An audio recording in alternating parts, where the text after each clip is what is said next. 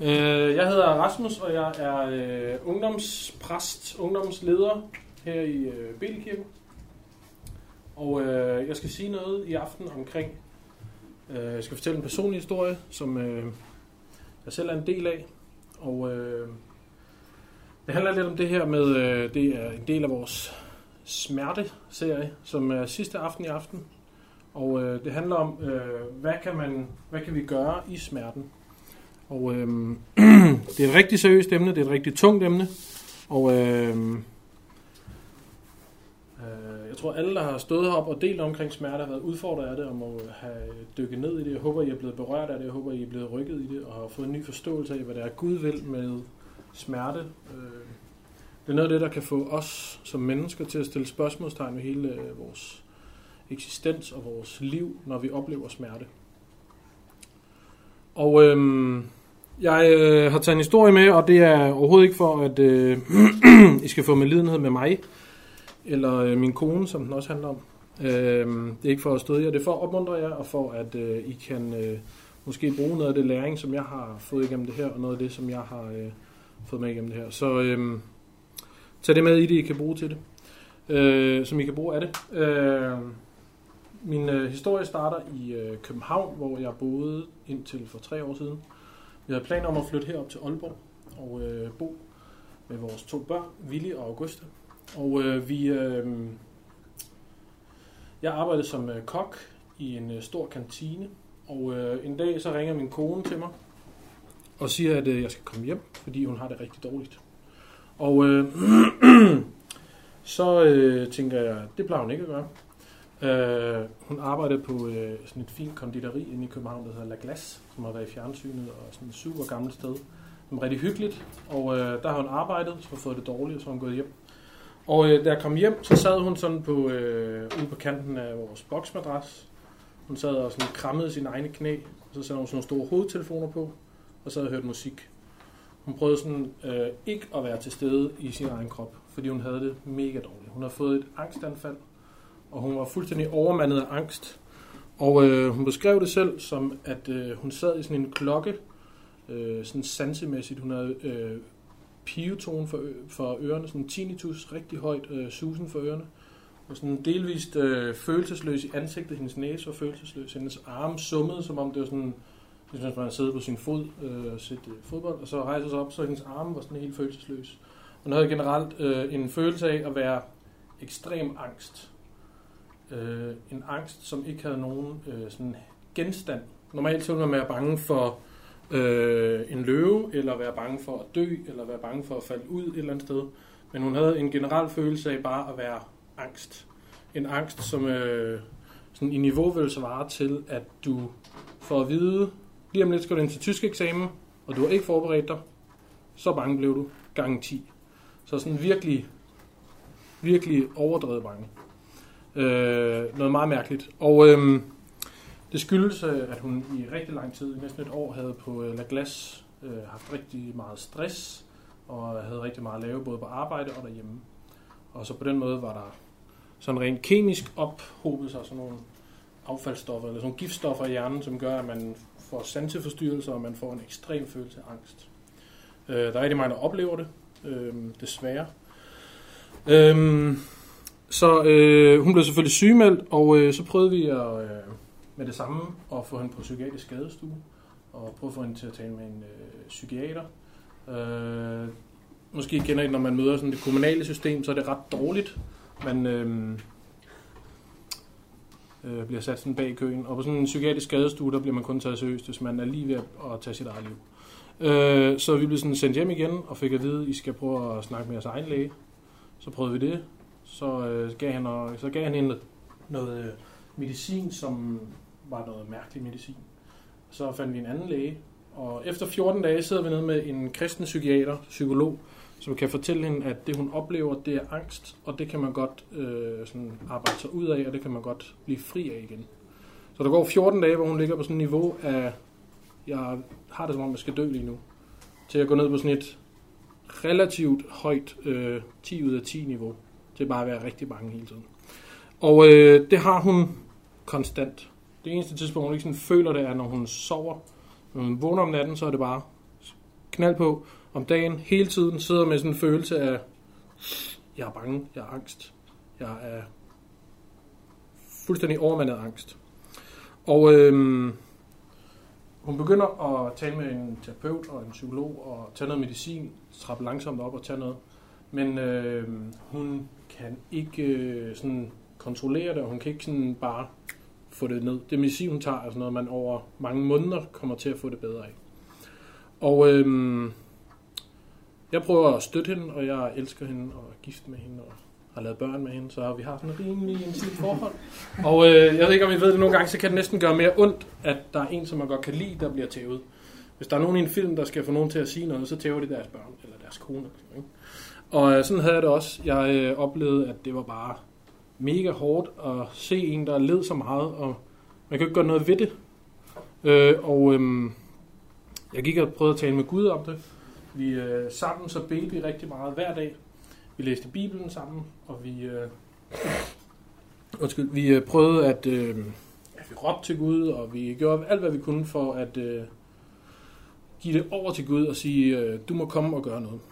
Øh, men jeg synes ikke rigtig, der skete noget. Nogle gange, når vi bad, så var det som om, der kom sådan lidt en fred, men ellers så var det hele tiden tilbage til den her konstant følelse af angst. Meget, jeg ved ikke bare, om I hører om det, om det giver sådan en, ah, det må være virkelig irriterende. Og flere måneder bare sådan være hele tiden sådan påvirket af det. Og øh, til sidst en dag, øh, hvor jeg gik på arbejdet, og det havde virkelig gået mig på, og det havde været virkelig dårlig periode, så kunne jeg mærke, at øh, alle de der spørgsmål, jeg havde til Gud, dem øh, blev jeg virkelig frustreret over. Og i min refleksion over det her, sådan en indre diskussion, så sagde jeg til Gud, eller jeg havde sådan en fornemmelse af at slippe min tro på, at Gud han var sand. Jeg havde en sådan fornemmelse af, at øh, det med Gud, og det med, at Jesus han var virkelig, det kunne ikke passe. Fordi jeg så mig selv som kristen, jeg så mig selv som værende et, øh, et barn af Gud og, og tilhører Jesus, og midt i det, så oplever jeg bare sådan en mega krise, som bare slet ikke er fed, som slet ikke er sjov. Og det kunne ikke, de to ting kunne jeg ikke få til at mødes. Jeg kunne ikke få det til at passe sammen, at jeg skulle være på vinderholdet, og samtidig have det rigtig dårligt. Så derfor så gjorde jeg den slutning i hovedet, at det kan ikke være det rigtige, jeg har gang i. Gud kan ikke være sand. Og øh, sådan havde jeg det i, jeg kan ikke huske, om det var nogle dage eller nogle uger, men i noget tid, der slap jeg den der tanke om, at Gud er mit fundament, Jesus er sand, Gud er sand. Og øh, efter at have ligesom været i det her øh, sådan limbo, eller sådan sort hul af ligesom åndelig, hvad kan man sige, sådan mental overgivelse til, at det med Gud, det var ikke rigtigt. Så kunne jeg mærke, at jeg faldt ned i sådan en virkelig, virkelig sort hul i forhold til, øh, at, ja, hvad nytter livet? Hvad, hvad skal det hele betyde, hvis der ikke er nogen Gud?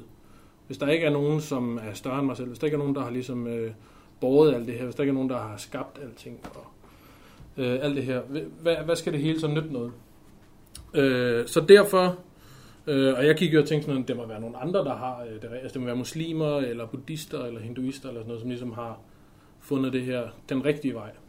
Fordi det kunne, jeg kunne ikke få det til at hænge sammen, at øh, der ikke fandtes en Gud. På en eller anden måde. Og øh, efter at have reflekteret på det, og diskuteret med mig selv indeni, så, øh, så kommer jeg frem til, at hvis det ikke er den Gud, som jeg kender, som er god, som er retfærdig, så, øh, giver, så er der overhovedet ikke noget, der giver nogen mening. Så derfor så vendte jeg tilbage til det og, og begyndte at gribe det igen. Og efter jeg gjorde det, så øh, havde jeg sådan, der gav jeg ligesom slip på hele det her øh, problem og sagde, at nu må det være i Guds hænder. Og øh, da jeg gjorde det, så kunne jeg mærke, at der var noget, der ligesom ændrede sig på en eller anden måde. Øhm, så jeg fandt tilbage ind i troen igen, og så øh, skete der så det, at vi havde øh, allerede besluttet, at vi skulle flytte til Aalborg, og øh, så gjorde vi det, og øh, vi havde solgt vores lejlighed i København, og vi havde ikke lige fundet noget at bo i heroppe. Så vi flyttede ind hos øh, Malenes øh, mor og far, som bor i Østersundby, og så boede vi sammen med dem i deres hus. Og øh, boede sammen med svigermor i øh, et par måneder. det var sådan heller ikke noget, der ligesom hjalp på at, øh, at have angst. Øh, jeg fik ikke angst, men øh, det, at vi ikke havde vores egen plads, det, at vi ikke havde øh, vores eget rum. Øh, vi delte et hus sammen med nogle andre. Vi kunne ikke rigtig bestemme over vores egen tid. Vores børn skulle øh, ud af deres øh, institutioner, og så skulle de ligesom de var ikke nogen nye institutioner, vi skulle bare sådan passe dem og gå sammen. Øhm, der var en masse øh, sådan ting, der gjorde, at det ikke var sådan optimalt. Men øh, en aften så øh, tager vi øh, mig og Malene til et møde med øh, Hans Bernsen, som er en mand, som tager rundt og beder for syge og øh, fortæller om Jesus. Og øh, da mødet er slut, så siger han, nu kan man øh, komme op og blive bedt for. Bedt for helbredelse. Og så kan vi, øh, I skal bare komme og sige alt, hvad, hvad I fejler, så beder vi for alt. Der er ikke noget, der er for stort til øh, Gud. Og det tror vi selvfølgelig også på. Og Malene på det tidspunkt har stadig det her tinnitus i, øh, i ørerne. Hun har angst stadigvæk. På en skala fra øh, 1 til 10, så er det måske nede på 8 eller sådan noget. Og øh, hun har også skæv ryg. så øh, vi går op, og så øh, får vi bedt for det hele. Og øh, jeg ved ikke, om du tror på mirakler og sådan noget guddommelig indgriben. Øh, jeg gør, men da han sådan beder for hendes ryg, at hendes øh, ben er ikke lige lange, men han sætter hende ned. Cirka så meget forskel her i hendes ben. Og han beder for det. Og jeg ser det med mine egne øjne. At de sådan vokser ud sådan her, cirka så hurtigt. Og så er hendes ryg helbredt. Og hun rejser sig op, og hun kan mærke, at hun er helbredt. Øh, så det ser jeg, og det oplever jeg, at det er, det er virkeligt. Jeg står selvfølgelig og holder øje med, snyder han med de der fødder, ikke? Han må ikke snydes. Og det gør han virkelig ikke. Jeg er virkelig overbevist om, at, han, øh, at, at Gud griber ind og helbreder. Og øh, der sker så det, at han også beder for hendes øh, ører og for hendes angst. Men der sker ikke noget.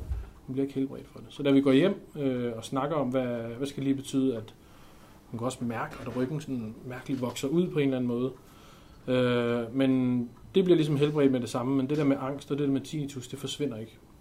Så vi bliver enige om, at der må være en mening med, at noget det bliver helbredt hurtigt, og noget det bliver helbredt over længere tid. Og det sker også. Øh, over to år, så får, har fået det bedre og bedre. Øh, hun er, det der medicin, hun har fået, det hun er trappet ud af, øh, som i virkeligheden også er meget øh, risikabel, fordi man kan blive sådan afhængig af selve medicinen.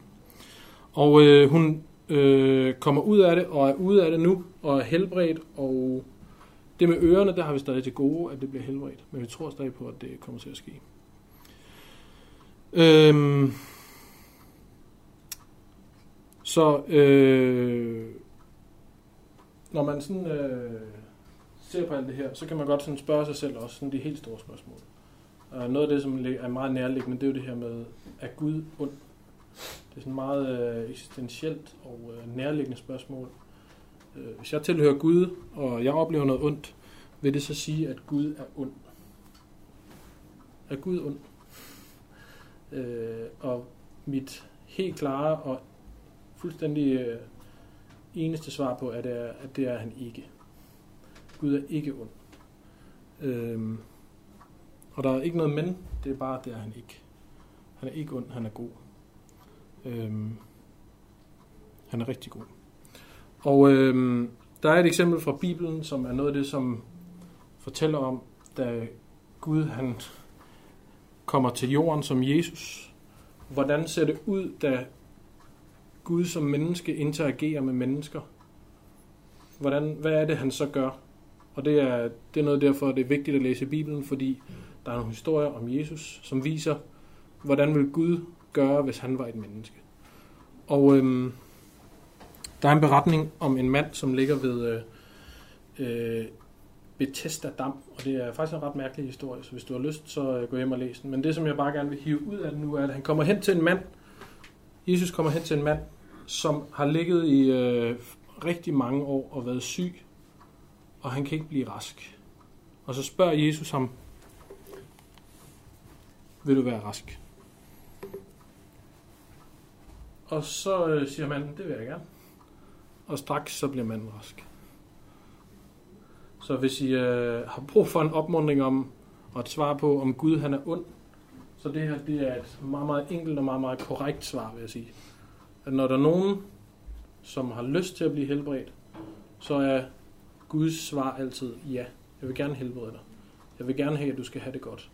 Og det er ikke fordi, du skal gøre noget for det. Det er ikke fordi, jeg har et eller andet forbehold over for dig.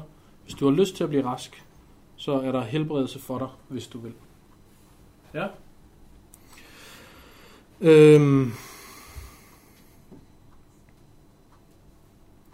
det var sådan, da, øh, hvis vi går helt tilbage, at da Gud han skaber jorden, så skaber han med den plan, at han vil være sammen med menneskerne. Han vil øh, gå sammen med menneskerne, og han vil have fællesskab med mennesker. Han skaber den her Edens have, paradis, hvor han kan være sammen med mennesker, og hvor han kan øh, tale med dem. Og øh, det er et sted uden smerte. Det er et sted, øh, hvor vi øh, løber nøgne rundt og er vegetar.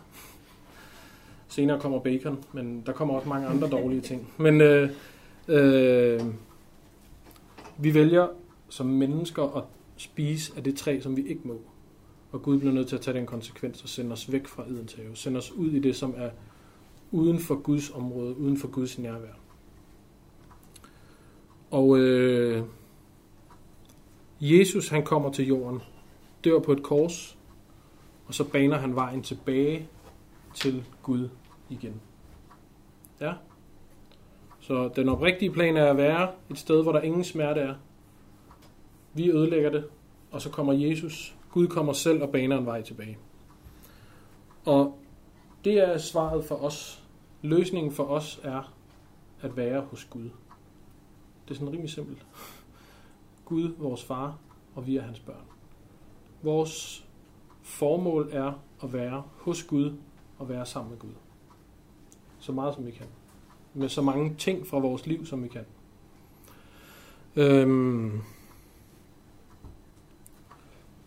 Så jeg har sådan lige et øh, lidt specifikt spørgsmål, og det er, hvordan er din tro? Hvordan ser din tro ud? Hvordan virker den? Hvordan er din tro på Jesus? Prøv at snakke om det. To og to. Får lige fire minutter. Bare lige for, at I kommer på banen og øh, tænker nogle tanker om det her.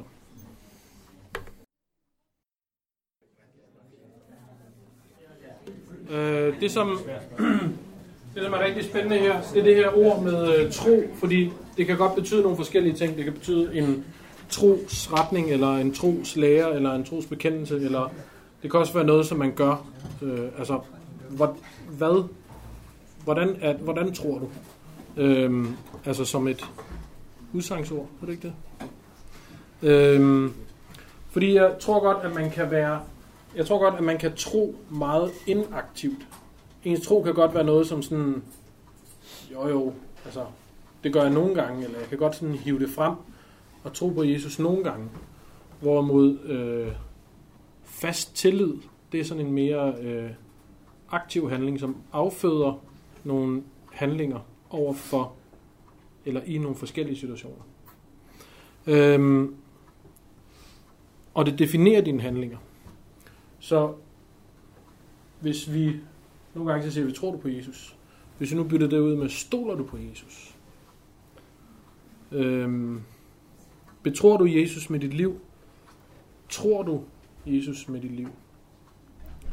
Øhm, og jeg tror, forskellen ligger i det, som den handling, som det afføder i os. Stoler du på Jesus?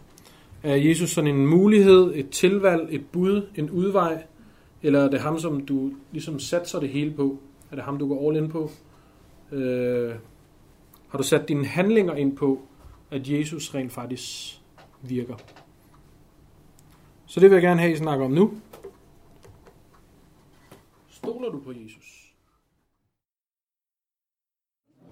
Okay, I får mulighed for øh, at øh, tale videre bagefter og ude i netværksgrupper og alt muligt. Giver det mening det her, at tro kan godt være sådan en grundindstilling over for et andet menneske, eller for, over for Gud? At jeg tror da, Jesus er der, men er det rent faktisk noget, jeg bruger til noget? Tør jeg stole på, at han har noget at sige og noget at gøre? Okay, vi hopper til øh, Bibelen, det gamle testamente, Jobs bog. Jobs bog er en øh, lang fortælling om lidelse, om øh, smerte, om død, om sygdom. Mega fed læsning. Øh, og øh, det handler om Job.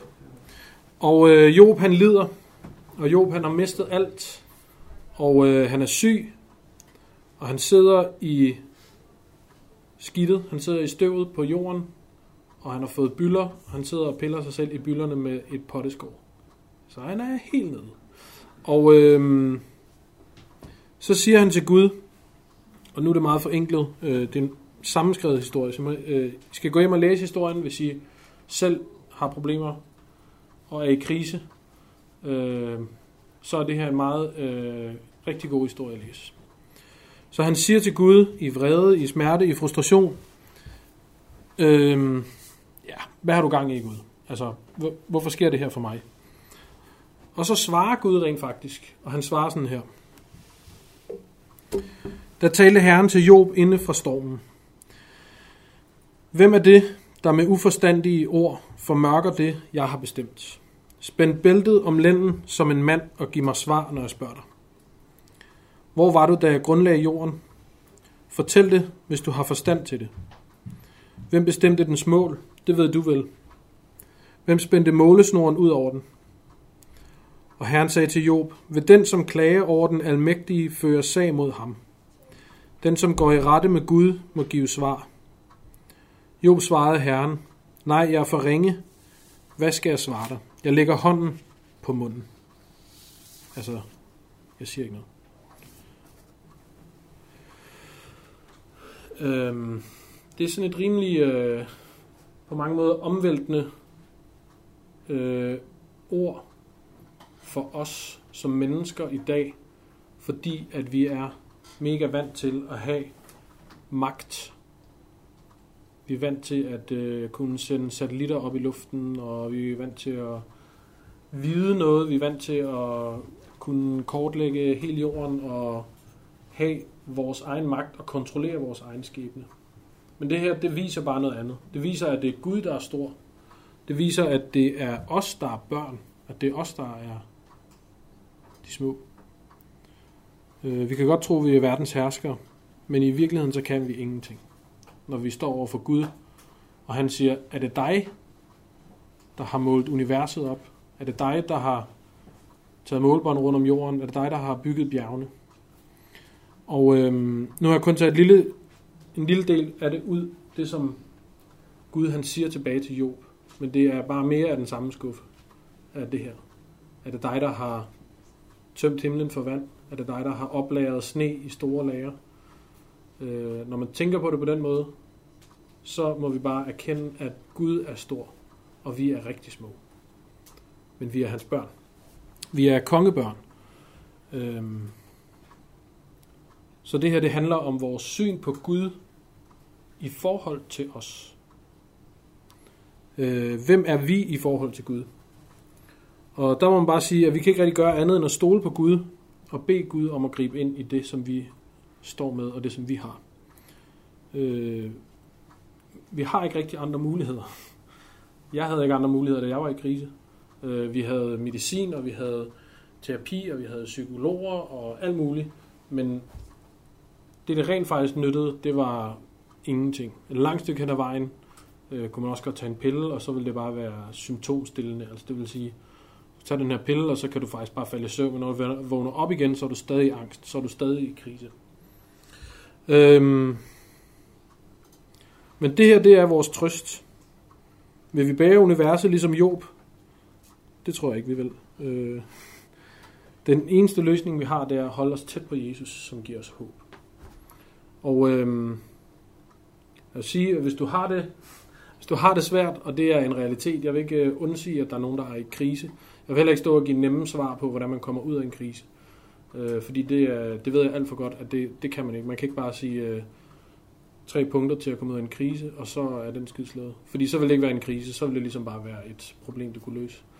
Øh, jeg vil sige, hvis du har et problem, så er øh, en meget håndterlig, øh, håndterbar ting, som vi tror på her i huset, det er, at man har brug for at være i en cellegruppe, man har brug for at være i en netværksgruppe, øh, og man har brug for at snakke med nogle andre kristne om, hvad det er, man gennemlever, og man har brug for at snakke med nogen om, hvad det er, man øh, går og reflekterer over, hvad det er, man har en indre diskussion om i sådan nogle kriser her.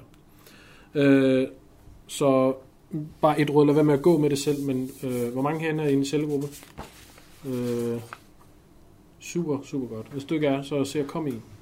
Øhm, hvis... Øh, ja, jeg tror, det tætteste, vi kommer på, det at Jesus han skulle være her i dag, det er det, vi har i vores cellegrupper, hvor vi mødes og deler liv med hinanden, og bærer hinandens smerte, bærer hinandens kriser, men også deler glæder med hinanden, og øh, beder for hinanden, og øh, deler bøndesvar med hinanden, og løfter hinanden op, og hjælper hinanden til at læse i Bibelen, læserne, øh, hjælper hinanden til at forstå, hvad der, er, der står i Bibelen, hjælper hinanden med at bede og bede for hinanden. Det er fuldstændig uvurderligt, og det er fuldstændig uvurderligt i forhold til at have et forhold til Gud, det er, at man deler det sammen med nogle andre. Så hvis du ikke er en cellegruppe, hvis du ikke er en netværksgruppe, så skal du bare se at komme ind. Øhm, jeg kan godt tænke mig at øh, slutte af med en bøn, så hvis øh, alle vil lukke øjnene, og bøje hovederne, og folde hænderne, så vil jeg gerne bede øh, sammen med os alle sammen. øh, hvis du vil... Øh, hvis du vil kende Jesus, og hvis du ikke kender Jesus endnu, så vil jeg bare øh, invitere dig til, at, øh, at du kan tage valget. Du kan tage skridtet og stole på Jesus i aften, og så kan du tage imod ham og starte dit øh, forhold med ham i aften, øh, hvis du vil bede sammen med mig. Øh, der er noget, som er, er vigtigere. Der er noget, som er, er højere, end at vi finder øh, en masse ting her på jorden og øh, lever godt og længe. Og det er, at vi ved, hvad der skal ske, når vi ikke lever mere. Øh, og vores formål er at tilhøre Jesus. Vores formål er at være sammen med Jesus. Og så vil jeg sige, hvis du aldrig har haft mulighed for at øh, give din brudhed og give din øh, ødelagthed og give din krise til Jesus, hvis du aldrig har haft mulighed for at stole på ham, eller du har brug for at gøre det igen, øh, så er det her også en mulighed for at gøre det. Jesus kan først helbrede dig, når du giver det til ham. Han helbreder dig først, når du siger, jeg vil gerne helbredes. Og jeg tror, at øh, Jesus han står foran os nu og spørger, vil du være rask? Vil du være sammen med mig? Vil du være et kongebarn? Hvis du har lyst til at tage imod det her, så øh, stræk hænderne frem som sådan et tegn på, at øh, du øh, vil modtage det fra Jesus. Og så vil jeg bare opfordre dig til at bede med ind i dig selv. Ja. Jesus, jeg beder for, at du må se alle, som har lyst til og har brug for at modtage dig. Brug for at modtage det, som du er, og brug for at modtage det, som du kommer med. Tak, at du kalder os til at blive kongebørn. Tak, at du kalder os til at blive helbredt. Jeg beder om, at du må komme med din fred. Jeg beder om, at du må komme med dit nærvær over dem, som har brug for det. Jeg har brug for, at du... Øh, jeg beder om, at du må se dem, som har et behov. Og jeg beder om, at du må være den, som kan dække det. Ikke bare med en symptombehandling, men med en ægte helbredelse, som virker. Ja. Hmm. Jeg beder også for det, som vi øh, har brug for at dele med hinanden i netværksgrupper. Jeg beder om, at du må være med, når vi deler det med hinanden, og jeg beder om, at du må kunne inspirere os og inspirere alle til at øh, kunne løfte hinanden op og til at kunne øh, svare på de spørgsmål og de øh, kriser, som folk bærer rundt på. Ja. Amen. Amen. Ja. Det var det, jeg havde. Men jeg vil bare opfordre jer til, at øh, det, som I har bedt med på, I ved selv, hvad I har bedt med på, og det, som har talt til jer, at I tager det med ud i de her netværksgrupper og taler med nogen om det. Lad være med, at øh, hvis du oplever, at du skal gøre noget, hvis du oplever, at Gud taler til dig, så fortæl det til nogen, sådan så det kan øh, blive ved med at vokse, og så det kan få liv, og så det kan øh, blive dyrket, og så det kan leve imellem øh, os, som er her, som er venner, og som tror på Gud. Okay? Vi søger noget mere?